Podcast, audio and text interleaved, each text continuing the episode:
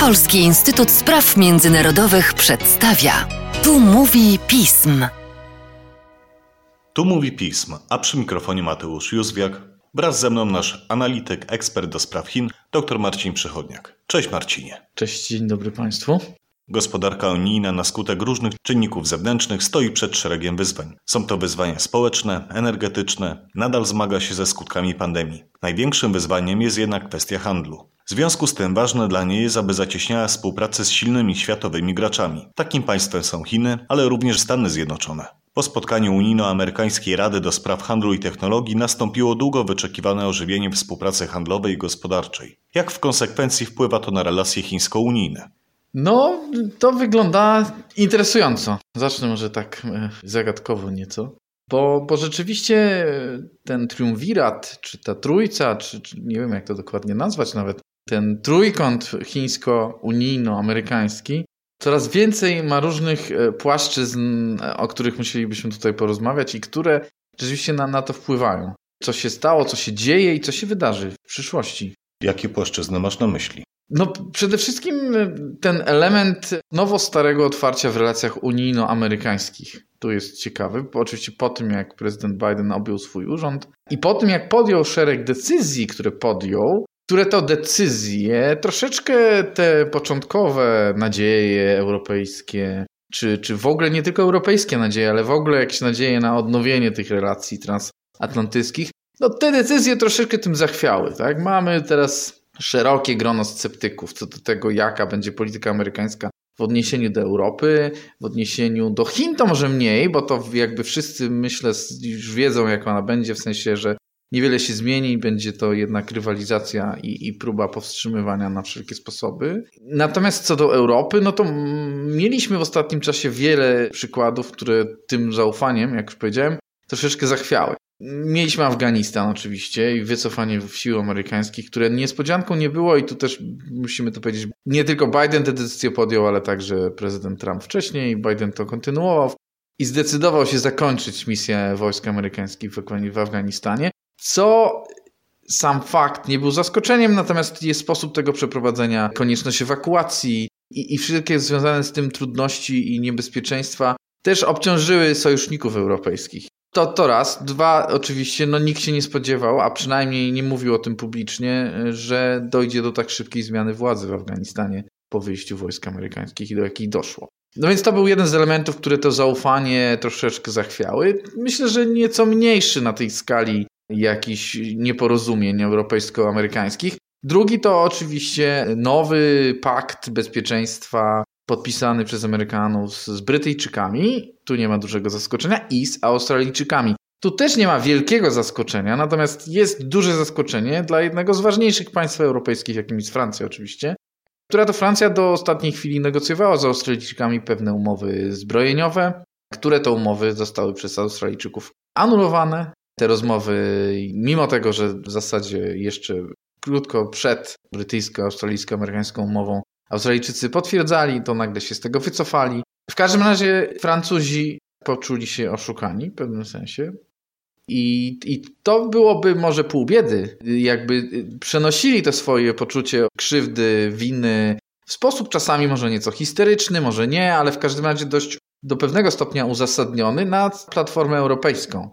Mieliśmy komentarze przewodniczącej Komisji Europejskiej mówiące z takim wahaniem właśnie, czy ta rada, do której teraz wracam, o której wspomniałeś w pytaniu, się w ogóle odbędzie, czy nie należałoby jej przełożyć w związku z tym, że, no, że ten zaufanie do sojuszników amerykańskich po tej decyzji zostało w pewnym sensie nadszarpnięte. Ale rada się odbyła i zakończyła się dość optymistycznie, jeśli patrzymy z perspektywy polityki unijnej wobec Chin, czy współpracy unijno-amerykańskiej wobec Chin. Jednak były względem tego dość duże obawy. Były obawy, bo i Unia, i, i Stany Zjednoczone dzieli je szereg kwestii, jeśli chodzi o te ważne aspekty handlowe, gospodarcze, technologiczne. Ale samo spotkanie, myślę, można nazwać w pewnym sensie sukcesem. Znaczy, uzgodniono obszary współpracy, wskazano może nie wprost na Chiny jako ten element, który tę współpracę cementuje i jakby powoduje, że jest ona konieczna, ale dość bezpośredni sposób odniesiono się do tego w, w końcowym oświadczeniu po spotkaniu. Powołano grupy robocze dotyczące półprzewodników, e, dotyczące łańcuchów dostaw, dotyczące kontroli eksportu czy produktów podwójnego zastosowania. Więc te wszystkie obszary zostały uwzględnione w rozmowach i jakby fakt, że to spotkanie się odbyło, to jest pierwszy plus. Drugi, no to jest to, że, że mamy po nim konkretne postanowienia, które dalej dają pewną podstawę do, do współpracy. Więc tu jest ważny element, który dla Chińczyków z pewnością jest również istotny, bo pokazuje, że ta współpraca jednak dalej się toczy. Czy w takim razie mamy jakieś przeszkody, które stoją przed zacieśnianiem tej współpracy? No, przeszkoda jest tak naprawdę chyba jedna, główna, tak naprawdę, czyli pewne różnice w polityce wobec Chin.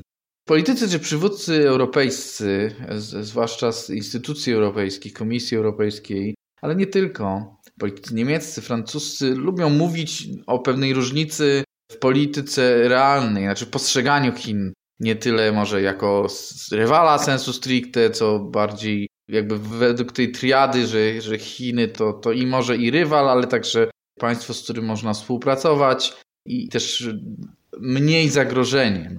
Tu to jest dużo, dużo jest deklaracji, retoryki na ten temat. Ja myślę, że, że tu jednak głównie chodzi o ten pewien element różnicy w, w rozumieniu tego, czym są współczesne Chiny i jaka jest ich polityka. W Stanach Zjednoczonych to jest jednak oczywiste odniesienie do tego, że Chiny stanowią zagrożenie dla interesów amerykańskich i, i jakby oczywisty wniosek, który z tego wyciągany jest, czyli to, że należy zrobić wszystko, żeby te zagrożenie neutralizować. Po stronie europejskiej brakuje pewnej myślę, bo my, ja myślę, że tutaj rzeczywiście zagrożenia są nawet dość podobne, natomiast brakuje pewnego postawienia kropki na D i stwierdzenia, że to w jakiej kondycji jest teraz Europa ze względu na swoje relacje z Chinami, uzależnienie gospodarcze itd., tak itd., tak transfer technologii, to również jest pewnym ważniejszym czy ważnym elementem, który zagraża jej przyszłości, ale odpowiedź, jaką Europa udziela, jest, jest nieco inna, co wynika, myślę, z, głównie z tego, że,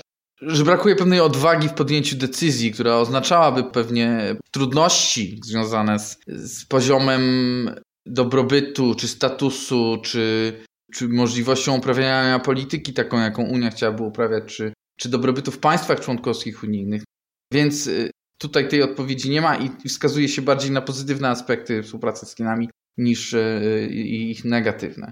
Natomiast no, to jest pewnego stopnia retoryka, myślę sobie. I spotkania unijno-chińskie, ale i także wewnątrzunijne dotyczące Chin. I, I to troszeczkę widać w efektach i w przekazie, który y, unijni urzędnicy czy politycy europejscy prezentują po tych spotkaniach.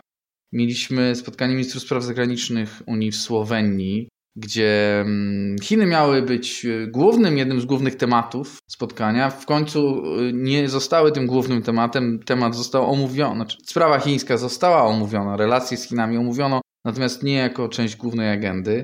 I też konkluzji żadnej oczywistej po tym nie ma. Znaczy, nadal y, to, o czym się mówi, czyli brak jednolitej polityki podejścia do Chin, jest bardzo widoczny. Tam wskazano na, na, na, jakby na rzeczy, które są aktualnymi problemami, czyli dokończenie porozumienia inwestycyjnego, które jest zamrożone ze względu na chińskie sankcje i utknęło w Parlamencie Europejskim być może na zawsze, chociaż jak widać po tym spotkaniu Unia nie chce, żeby to było na zawsze. No, wskazano też na te plany, które kiedyś były spotkania 27 plus 1, czyli państw unijnych plus Chiny, które kiedyś proponowała kanclerz Merkel jeszcze przed pandemią koronawirusa. To wszystko ze względu na COVID-19 się rozmyło. Teraz być może pojawią się takie koncepcje, żeby do tego wrócić, ale to też raczej jest pieśń przyszłości, że tak powiem, niż, niż jakiś realny scenariusz na najbliższe miesiące.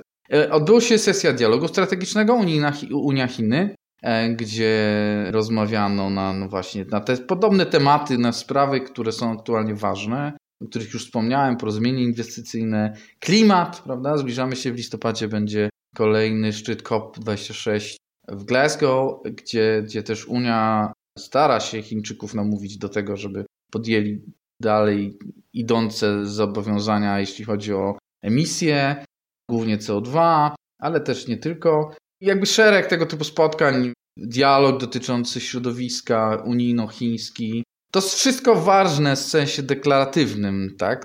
Decyzji ani żadnych przełomów po tych spotkaniach nie należy oczekiwać i do nich nie doszło. Natomiast pokazuje to, że ten, ten proces się nadal odbywa. Tak? Mieliśmy oczywiście wybory w Niemczech, które też, jak wiadomo, Niemcy, ważne państwo europejskie, jeśli nie najważniejsze w Unii, de facto.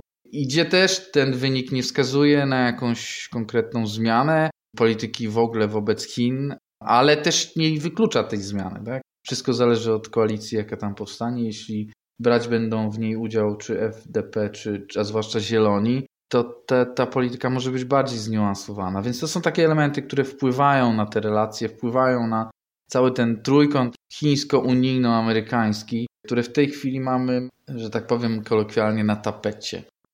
Mieliśmy oczywiście panią też przewodniczącą komisji von der Leyen, która wygłosiła przemówienie programowe, gdzie też odwoływała się wprost do Chin, gdzie mówiła o unijnym planie Global Gateway, prawda, pewnego wielkiego, wielkich projektów, wielkiego projektu infrastrukturalnego, inwestycyjnego, który, ona tego wprost nie stwierdziła, natomiast w jakimś sensie miałby być może nie konkurencją, ale jak alternatywą dla chińskich planów pasa szlaku, inwestycji światowych itd., tak itd. Tak Więc to, to wszystko jakbyś tam ze sobą oddziaływuje, się ze sobą rozwija. Wiemy też, że unijni urzędnicy Unia chciałaby doprowadzić do pewnej rozmowy między Michelem a przewodniczącym Xi Jinpingiem. Też jakoś pewnie starając się akcentować ten, tę unijną podmiotowość i pewną odrębność od amerykańskiej polityki wobec Chin. Amerykanie też wiemy, że trwają próby organizacji szczytu Biden, Xi. Więc konkludując, bo myślę, że nas czas już powoli goni, Rada, od której zacząłem, e, do spraw technologii, handlu i technologii, unijno-amerykańska, była dobrym sygnałem współpracy transatlantyckiej wobec Chin. To wszystko, to się, o czym powiedziałem potem, co się dzieje, te spotkania, te dialogi, te próby y, organizacji szczytów, pokazuje, że, że na tym poziomie deklaratywnym, politycznym i Unia, i Stany starają się prezentować odrębnie. Natomiast na tym poziomie realnym, pragmatycznym, politycznym, gospodarczym też, raczej są y, świadome tego, że y, nie ma odwrotu przed współpracą. Chodzi o Chińską Republikę Ludową. Szanowni Państwo, czy w tej układance uda się odnaleźć w dłuższej perspektywie równowagę? Pewnie zgodnie z tytułem Unię Europejską, Chiny i Stany Zjednoczone czekają szorstkie, lecz konieczne relacje. Tymczasem dziękuję Ci Marcinie. Ja dziękuję bardzo. A Państwa zachęcam do śledzenia naszych mediów społecznościowych oraz strony internetowej, czytania biuletynów i komentarzy oraz rzecz jasna słuchania kolejnych podcastów. Do usłyszenia.